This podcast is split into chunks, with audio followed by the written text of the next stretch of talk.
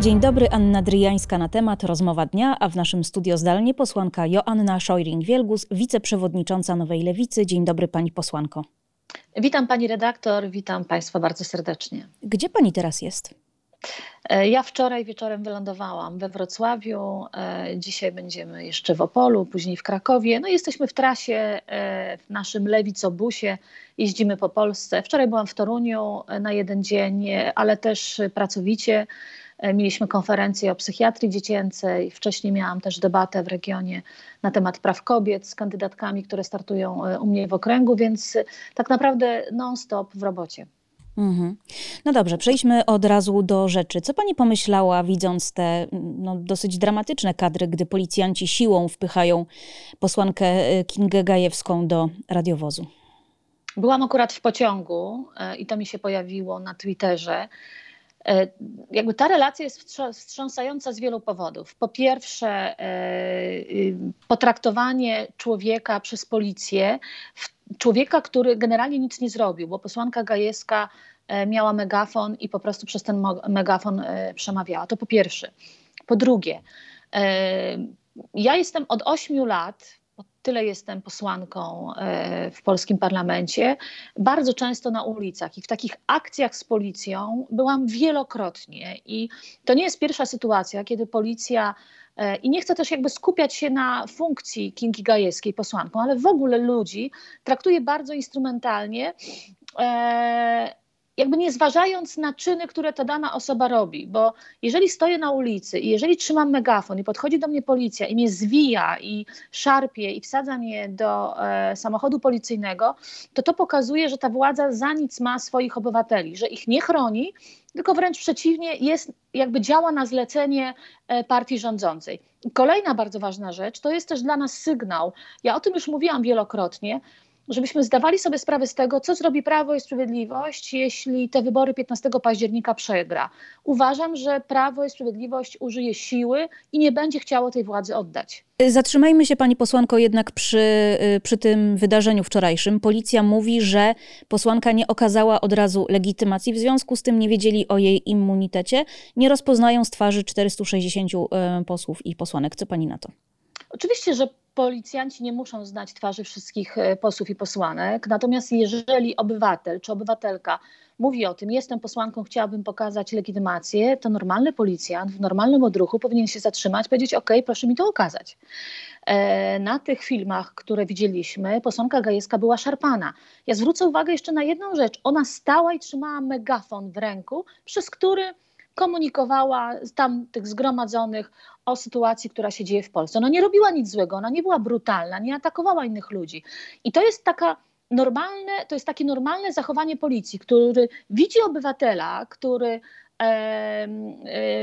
jest w jakiś sposób przeciw tej władzy, bo stoi i mówi o innych rzeczach niż mówi e, dany e, prominent partyjny, w tym wypadku to był Morawiecki, więc trzeba go zatrzymać, spisać i wsadzić do samochodu. Takich sytuacji przez ostatnie 8 lat było setki przecież, nawet tysiące, kiedy obywatele byli spisywani za to, że stali na chodniku i protestowali. Więc y, to nie ma znaczenia, czy ona mówiła, czy je, że jest posłanką, czy nie posłanką. E, po prostu potraktowano człowieka w sposób kardynalny. kardynalny. I, e, I to w ogóle nie powinno się wydarzyć. Mhm. Pani też miała swoje przejścia z policją. E, I to wielokrotnie, pani redaktor, dlatego że ja, tak jak powiedziałam, przez te 8 lat y, widzę. Y, obserwuję zmiany w zachowaniu policji. Jeszcze na początku, w 2016 roku, ci policjanci byli zupełnie inni. To, inni. to była stara kadra, która nie słuchała się poleceń swojego przełożonego. Teraz przełożonym polskiej policji jest komendant Szymczyk, który, jak wiemy, nie poradził sobie E, z granatnikiem e, w, w komendzie wojewódzkiej i jest osobą, która jest na e, zlecenie, działa na zlecenie Prawa i Sprawiedliwości. Znaczy Prawo i Sprawiedliwość doprowadziło do tego, że policja w Polsce, która powinna nas wszystkich chronić, jest policją partyjną. I, i to jest po prostu, pani redaktor, przerażające. Ja naprawdę nie czuję się bezpiecznie, kiedy widzę wokół siebie policjantów i też nie chcę wszystkich policjantów oskarżać i wsadzać do jednego worka, ale nie czuję takiej takiego poczucia, nie mam takiego poczucia, że ten policjant mnie obroni, wręcz przeciwnie. Mam takie poczucie, że ten policjant będzie stawał przeciwko mnie, ponieważ dostanie zlecenie z góry, że ma tak mnie potraktować, a nie inaczej. Przypomnę jeszcze przecież zdarzenia z najróżniejszych protestów. Przecież y, Magdalena Biejat y, została potraktowana gazem, y, czy Barbara Nowacka, ale ja wielokrotnie byłam w kordonach policyjnych, kiedy pomagałam innym ludziom i z tych kordonów wychodziłam posiniaczona, obola, obolała i nie czując się komfortowo, tak? wręcz przeciwnie, czując ze strony policji zagrożenie. I powtórzę jeszcze raz, to jest obrazek, który powinniśmy zapamiętać, bo wszystko wskazuje na to, że Prawo i Sprawiedliwość nie będzie chciała oddać władzy i policję wykorzysta do tego, tak jak to było na przykład na Kapitolu w Stanach Zjednoczonych, do tego, żeby tę władzę utrzymać za wszelką cenę. I na to też musimy być przygotowani jako obywatele i jako politycy. To znaczy, jest Pani przekonana, że gdy opozycja wygra wybory, to PiS władzy nie odda? Ale oczywiście, że tak, pani redaktor, ta władza pokazuje nam każdego dnia, że jest zdolna do wszystkiego. Kto by pomyślał, pani redaktor, że politycy e, Prawa i Sprawiedliwości doprowadzą do tego, że na straganach koło ambasad polskich w wielu krajach na świecie będzie można kupować polskie wizy, tak jak się kupuje na straganach kapustę, marchew czy jabłka. No kto by to pomyślał? Ja jestem fascynatką różnych seriali e, politycznych, ale nawet w tych serialach scenarzyści nie wymyślają takich historii. A to, co robi ta władza, jest po prostu przegięciem w każdą stronę. Więc tak, powinniśmy się tego spodziewać i powinniśmy zrobić wszystko, aby być na to dobrze przygotowanym. Przygotowujecie się? Tak, e, zarówno Lewica, jak i inne partie demokratyczne przygotowujemy cały, znaczy mamy już e, bardzo dużo, ty, tysiące ludzi, którzy będą zaangażowani w obserwowanie wyborów, będą też w komisjach, będą reagować na wszystkie przekręty, na wszystkie oszustwa, których się spodziewamy. I tak trzeba będzie być przygotowanym na to, że w momencie, kiedy Prawo i Sprawiedliwość, dostając wyniki wyborów, zobaczy, że szala przechyla się na stronę e, opozycyjną, że będzie chciało tych swoich ludzi, bo oni też przecież mają w komisjach swoich ludzi, wykorzystać do tego, aby wzniecić, nie wiem, bunty, e, jakieś takie sytuacje, które mogą być zaczątkiem e, czegoś niebezpiecznego w Polsce. Tak, uważam, że ta władza jest do tego zdolna i trzeba po prostu mieć to z tyłu głowy, że tak może się wydarzyć. Jednak e, do 15 października zostało jeszcze trochę czasu. E, odbywają się kolejne debaty wyborcze w mediach. Tymczasem PiS e, konsekwentnie odmawia udziału. Co pani na to? O czym to świadczy? To są tchórze. To są tchórze, które tylko mają siłę na to, żeby pójść do telewizji rządowej i tam wypowiadać się na różne tematy, ponieważ pytania, które są zadawane im w telewizji rządowej, nie są zadawane przez dziennikarzy, tylko przez funkcjonariuszy mm, y, partyjnych. To, to musimy sobie to jasno powiedzieć. Przecież ci ludzie y, nie chcą debatować, ponieważ de facto mają nas wszystkich w głębokim poważaniu. Pani redaktor, oni nie chcą poprawić jakości naszego życia.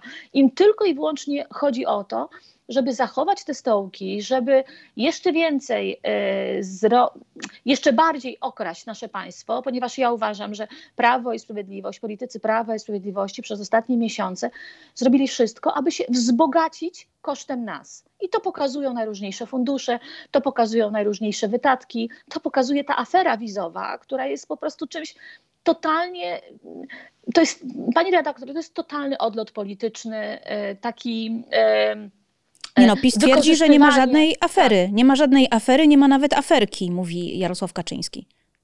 Jarosław Kaczyński żyje w rzeczywistości, którą wykreowują dla niego ludzie, którzy są z jego otoczenia. E, I taką też rzeczywistość kreuje e, telewizja rządowa. I tak rzeczywiście jest, że część społeczeństwa, około 30-25% społeczeństwa, e, nie ma świadomości tego, co się w Polsce de facto dzieje. Oni wiedzą, bo my to też wiemy na naszych spotkaniach, że jest drożyzna, że jest inflacja, że coś jest nie tak, ale nie wiedzą, w którym to kościele dzwoni, ponieważ nie mają możliwości sprawdzenia tych informacji w innych mediach, bo nie mają do tych mediów dostępów. I rzeczywiście to jest sytuacja trochę patowa, więc naszym zadaniem, i my na przykład na Lewicy to robimy, bo zaczęli na nasze spotkania otwarte przychodzić wyborcy Prawa i Sprawiedliwości, więc to tłumaczymy. Ja ostatnio tłumaczyłam to jednemu panu e, na osiedlu we Włocławku, który nie mógł zrozumieć, dlaczego my w ogóle atakujemy Prawo i Sprawiedliwość, skoro on daje to, to, to i to, a y, opozycja kłamie tu, tu i tu. Więc czarno na białym pokazałam mu, że się myli. I myślę, że ten pan wychodził e, taki e, trochę e, zadziwiony i skonsternowany. Był trochę skonsternowany, bo, bo, ponieważ nagle dostał informację i publiczność, która była zgromadzona w tym Włocławku, też te informacje potwierdzała. Więc to nie było tak, że ja tylko coś mówiłam, tylko inni ludzie mu też mówili. Tak? Więc te 20 chyba 6 dni, które nam zostało do wyborów, to jest bardzo intensywna praca, którą musimy wykonać i przekonywać tych ludzi. Koalicja Obywatelska będzie chodzić do telewizji publicznej, do TVP, ogłosił wczoraj Donald Tusk przed siedzibą telewizji. No i wyszedł do niego jeden z pracowników TVP, Michał Rachoń. Próbował przerwać jego oświadczenie, zaczął krzyczeć. Co pani myślała, patrząc na te obrazki? Pan Rachoń jest funkcjonariuszem e, politycznym, jest, pracuje na zlecenie Prawa i Sprawiedliwości, nie jest dziennikarzem. To po pierwsze. Pan Rachoń zachował się w sposób skandaliczny, ponieważ zachował się tak, jak dziennikarz nie powinien się zachować. Przecież mógł przyjść na tą konferencję i tak jak każdy inny dziennikarz, po prostu zadać pytanie i uzyskałby odpowiedź. Ale nie, pan Rachoń, który jest słynny z tego, że kiedyś przebrał się za e, takiego dmuchanego penisa e, wiele, wiele lat temu, lubi po prostu robić show i chciał, żeby ta uwaga była skupiona na nim, natomiast pokazał się z tej jak najbardziej i najgorszej strony. Telewizja rządowa jest tym miejscem, e, które Prawo i Sprawiedliwość e, potraktowało jako łup polityczny. Nie ma tam przekazywanych informacji. Ja powiem pani, że dzisiaj na przykład rano po raz pierwszy, bo w hotelu, w którym śpię, jest tylko TVP Info. Po raz pierwszy włączyłam sobie rano e, TVP Info, chociaż w weekend biczowałam się i oglądałam wiadomości, bo byłam ciekawa, czy są przekazywane informacje o aferze wizowej, ale dzisiaj po raz pierwszy e, rano zobaczyłam taki program Oni kłamią. To jest w ogóle coś niewiarygodnego. To, co telewizja rządowa wykonuje e, i jak przekazuje informacje, odnosząc się do innej telewizji, która jest niezależna. To, to, nawet nie jest, wie pani co, to w zasadzie nie wiadomo, czy śmiać się, czy płakać nad tym. To jest tak żenujące, tak słabe. Zastanawiam się, czy, ci, czy, czy ci ludzie, którzy tworzą, ten program, bo nie tylko ten facet, który opowiadał dzisiaj te wszystkie y, głupoty, ale ci wszyscy, którzy przygotowują to wszystko, e, nie wiem, operatorzy, e, wydawcy, czy, czy oni nie zdają sobie sprawy z tego, że ten, ten, ta władza kiedyś się skończy i oni nigdzie pracy nie dostaną, bo nikt nie będzie chciał im uwierzyć, bo teraz działają na zlecenie rządu i to jest po prostu straszne i obłudne. Myśli pani, że będą jakieś konsekwencje? Tutaj było pismo Roberta Kwiatkowskiego do Rady Mediów Narodowych, wezwanie prezesa Matyszkowicza w związku z tą sytuacją. Myśli pani, że coś się zadzieje? Ale oczywiście, że się nic nie zadzieje. Jestem pani redaktor, y, członkinią Rady Programowej TVP. Jestem tam e, dlatego, ponieważ chcę patrzeć im na ręce. E, większość Rady Programowej to są nominaci Prawa i Sprawiedliwości, w tym ksiądz, żeby było ciekawiej. Też jest w Radzie Programowej Telewizji Publicznej i po prostu wiem, jak to wszystko wygląda. Tam jakby my możemy tylko pewne rzeczy obserwować, my możemy zwracać uwagę na pewne rzeczy, ale i tak większość pisowska wszystko przegłosuje i absolutnie nic nie zrobi i nic nie zmieni, dlatego że jest im to na rękę. Jest im to na rękę dlatego, ponieważ ci wszyscy ludzie zgromadzeni wokół Prawa i Sprawiedliwości po prostu korzystają na tych profitach i nie chcą, żeby zostało im to e, w jakiś sposób ucięte. Czy oglądała Pani e, zebranie członków organizacji Patriarchat? Tak, pani redaktor. I oczywiście y, uśmiecham się, ponieważ takiego kuriozum to ja dawno nie widziałam. Chciałam zapytać, znaczy... jak się pani czuje jako element dobytku męża. E, ja nawet nie wiem, pani redaktor, jak to skomentować. No po prostu jacyś e, zakompleksieni faceci opowiadają takie bzdury, które, które mogłyby być, nie wiem, być może na serio odbierane, gdybyśmy byli w średniowieczu. To znaczy, jeżeli faceci mówią o tym, że kobiety są dobytkiem, że w ogóle nie powinny mieć prawa głosu, e, że w ogóle są gorsze, głupsze, nie wiem, e, od mężczyzn. No, no naprawdę, ja nie wiem, e, skąd ci goście się po prostu wzięli. Z Konfederacji. mnie, z Konfederacji, bo Konfederacja rzeczywiście jest partią takich, takich osób o Hmm, o bardzo dziwnych, e, czasami przerażających poglądach, bo przypomnę na przykład, że ostatnio jeden z też członków prominentnych Konfederacji mówił o tym, że w zasadzie jak kobieta zostanie zgwałcona, no to niech urodzi to dziecko, no co mi to obchodzi, co się będzie z tą kobietą działo. Ci ludzie z Konfederacji, pomimo, y, oprócz tego, że są śmieszni w tych swoich gadkach, to jest takie infantylne, to jest takie dziecinne, to są, to są pani redaktor, no naprawdę, to są zakompleksieni faceci, którzy nie potrafią sobie poradzić e, ze zmieniającą się rzeczywistością, nie, pora, nie potrafią sobie poradzić e, nie wiem, przeraża ich kobieta, która ma własne zdanie, być może przeraża ich kobieta, która jest wykształcona. No naprawdę, chłopcy powinni wrócić do piaskownicy i być może w tej piaskownicy e, dziewczynki e, e, pokazałyby im, na czym polega współpraca, relacje, różnorodność, dawanie ludziom szansy. No tak, ale są kobiety, są kobiety, które na Konfederację, która chce im odebrać prawa wyborcze, głosują.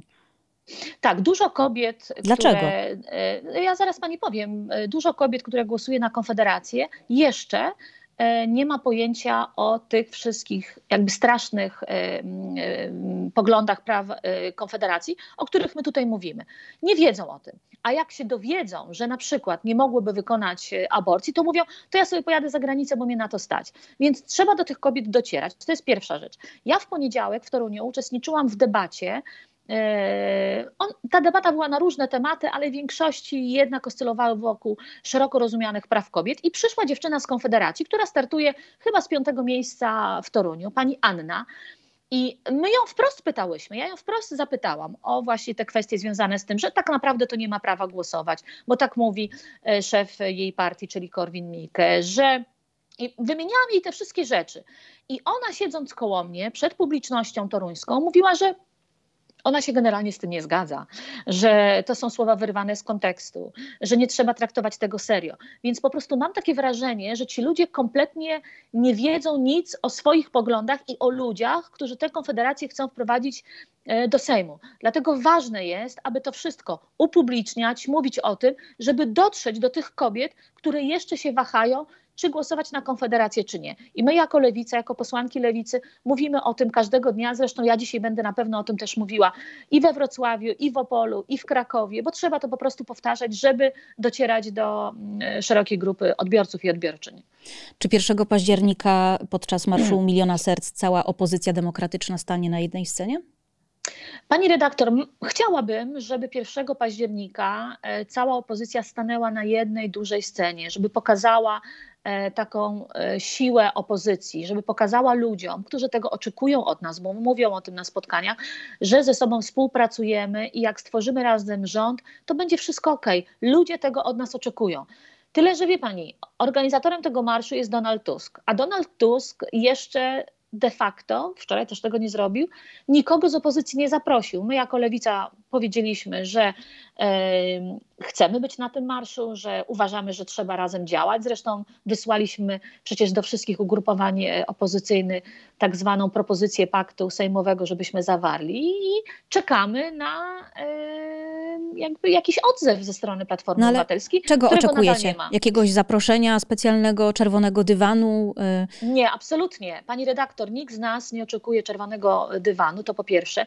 Nikt z nas nie oczekuje specjalnego medialnego zaproszenia, ale mówimy, my jako Lewica mówimy od kwietnia, bo e, od kwietnia mówimy o pakcie sejmowym, że musimy pokazać naszym wyborcom i wyborczyniom, że przyszłym rządzie, jak będziemy go tworzyć, ten rząd będzie na serio. Ludzie chcą nas zobaczyć, jak stoimy obok siebie, jak podajemy sobie ręce, jak jesteśmy po prostu ze sobą. Organizatorem marszu jest Platforma Obywatelska. E, tutaj dochodzą jeszcze te kwestie wszystkie formalne związane z finansowaniem z PKW, więc to oni jako gospodarze powinni wykonać ten gest w stosunku do innych osób. I tu nie chodzi o czerwone dywany, tu chodzi o pewien gest e, współpracy, na który czekamy i się nie obrażamy, że jeszcze tego nie ma. No a dlaczego go nie ma w takim razie? jest jeszcze długo, ale nie wiem na co Dlaczego Tusk tego gestu nie wykonał wobec was, wobec trzeciej drogi? Nie wiem, pani redaktor, to jest pytanie do Donalda Tuska. E, my na lewicy mówimy jasno i wyraźnie. Ludzie oczekują od nas pokazania współpracy, pokazania tego, że jesteśmy na jednej scenie, pokazania tego, że podajemy sobie ręce, bo to też nie jest tak, że to mają być takie symboliczne gesty, ponieważ my i tak ze sobą współpracujemy. Ale tego 1 października ludzie chcą zobaczyć nas razem. Więc żeby nas zobaczyć razem, gospodarz, który to przygotowuje, powinien zrobić wszystko, żeby do tego obrazka po prostu doprowadzić. A wierzy pani w to, że ten pakt sejmowy, do którego wzywacie, zostanie zawarty?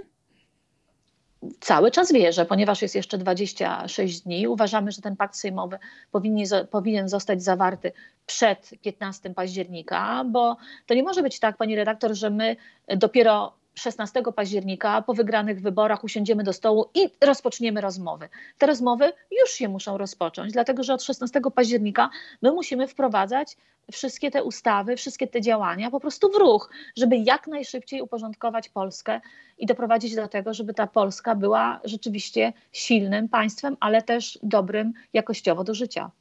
Mhm, tylko, że 8 lat temu na tym etapie kampanii PiS pokazywał, kto będzie jakim ministrem a wy tego nie robicie. Mówię tutaj wy jako demokratyczna opozycja. Czy to nie, nie jesteście trochę spóźnieni? ale PiS pokazywał e, tych swoich ministrów, a później tak zmieniał e, te osoby, czyli też de facto okłamał swoich wyborców. Ja, ja, uważam, że to nie jest istotne. Na opozycji demokratycznej jest mnóstwo fachowców i to, kto będzie ministrem i kto będzie pełnił jakie funkcje, to jest kwestia tego, e, w jakiej konfiguracji znajdziemy się w przyszłym parlamencie. Naprawdę to nazwiska nie są istotne. My wiemy, że wśród nas jest mnóstwo ludzi, którzy mogliby odpowiadać za pewne resorty i na pewno odbędą się na ten temat najróżniejsze rozmowy, ale ja uważam osobiście, że to nie jest jeszcze ten czas. Czy przyjaźń Polski i Ukrainy się kończy? Mówię o tym, co się wydarzyło w Nowym Jorku na zgromadzeniu ONZ. Prezydent y, Ukrainy Zełenski nie spotkał się z prezydentem Dudą. Był no tak dosyć demonstracyjnie nieobecny podczas wystąpienia e, Dudy. Czy to embargo, które rząd PiS wprowadził, zniszczy naszą współpracę? To jest porażka zarówno prezydenta Dudy, jak i Prawa i Sprawiedliwości. Ja pamiętam, co mówił prezydent Andrzej Duda, jak pojawił się w Nowym Jorku, że będzie miał spotkanie z prezydentem Załańskim i na pewno sobie wszystko przegadają i tak dalej. Więc y, to był blamasz. To znaczy y, Prawo i Sprawiedliwość skłóciło nas ze wszystkimi. To, na czym zyskało w oczach opinii publicznej, to relacja z Ukrainą, którą właśnie teraz demonstracyjnie po prostu popsuło. My jako Polska jesteśmy w tej opinii międzynarodowej samotnym krajem, takim samotnym żaglem, który kłóci się ze wszystkimi i nie potrafi po prostu rozwiązywać problemów. I za to odpowiada zarówno prezydent Andrzej Duda, jak i rząd Prawa i Sprawiedliwości. I to jest przerażające, ponieważ przez to, że nie mamy przyjaciół za granicą, przez to, że kłóci się nasz rząd ze wszystkimi, e, to bezpieczeństwo, które Prawo i Sprawiedliwość ma na swoich sztandarach, jest po prostu miałkie i nieprawdziwe. Skoro jesteśmy przy bezpieczeństwie, ambasador Polski został wezwany do niemieckiego MSZ w związku z aferą wizową. Co by się działo w demokratycznym kraju po wybuchu takiej afery? W normalnym kraju, w demokratycznym kraju, rząd rozpada się jak domek z kart i nie funkcjonuje i odbywają się wybory albo jest wymiana rządu. Znaczy, u nas od 8 lat takie rzeczy się nie, nie wydarzają, ponieważ Prawo i Sprawiedliwość nie traktuje e, tej swojej misji bycia e, prowadzącym nasze państwo na serio. Pani redaktor, tych afer PiSu jest multum. I dopiero przy tej aferze został zdymisjonowany minister Wawrzyk. Nie znalazł się na listach, zresztą nie tylko on, E, czyli ewidentnie jest coś na rzeczy. E, Prawo i Sprawiedliwość przecież, jak były różne afery, nie dymisjonowało ministrów, wręcz przeciwnie, zawsze stali za tymi ministrami e, przecież bardzo mocno. A tutaj ewidentnie coś się wydarzyło i ukrywają przed opinią publiczną prawdę. Piszą o tym zagraniczne media, jakby wychodzą na światło dzienne kolejne fakty. E, jest, jest siedem aresztowanych osób. To znaczy, że coś jest nie tak. I wiemy, że Prawo i Sprawiedliwość e, boi się rozwoju tej sytuacji, ale powiem Pani szczerze, że to jest.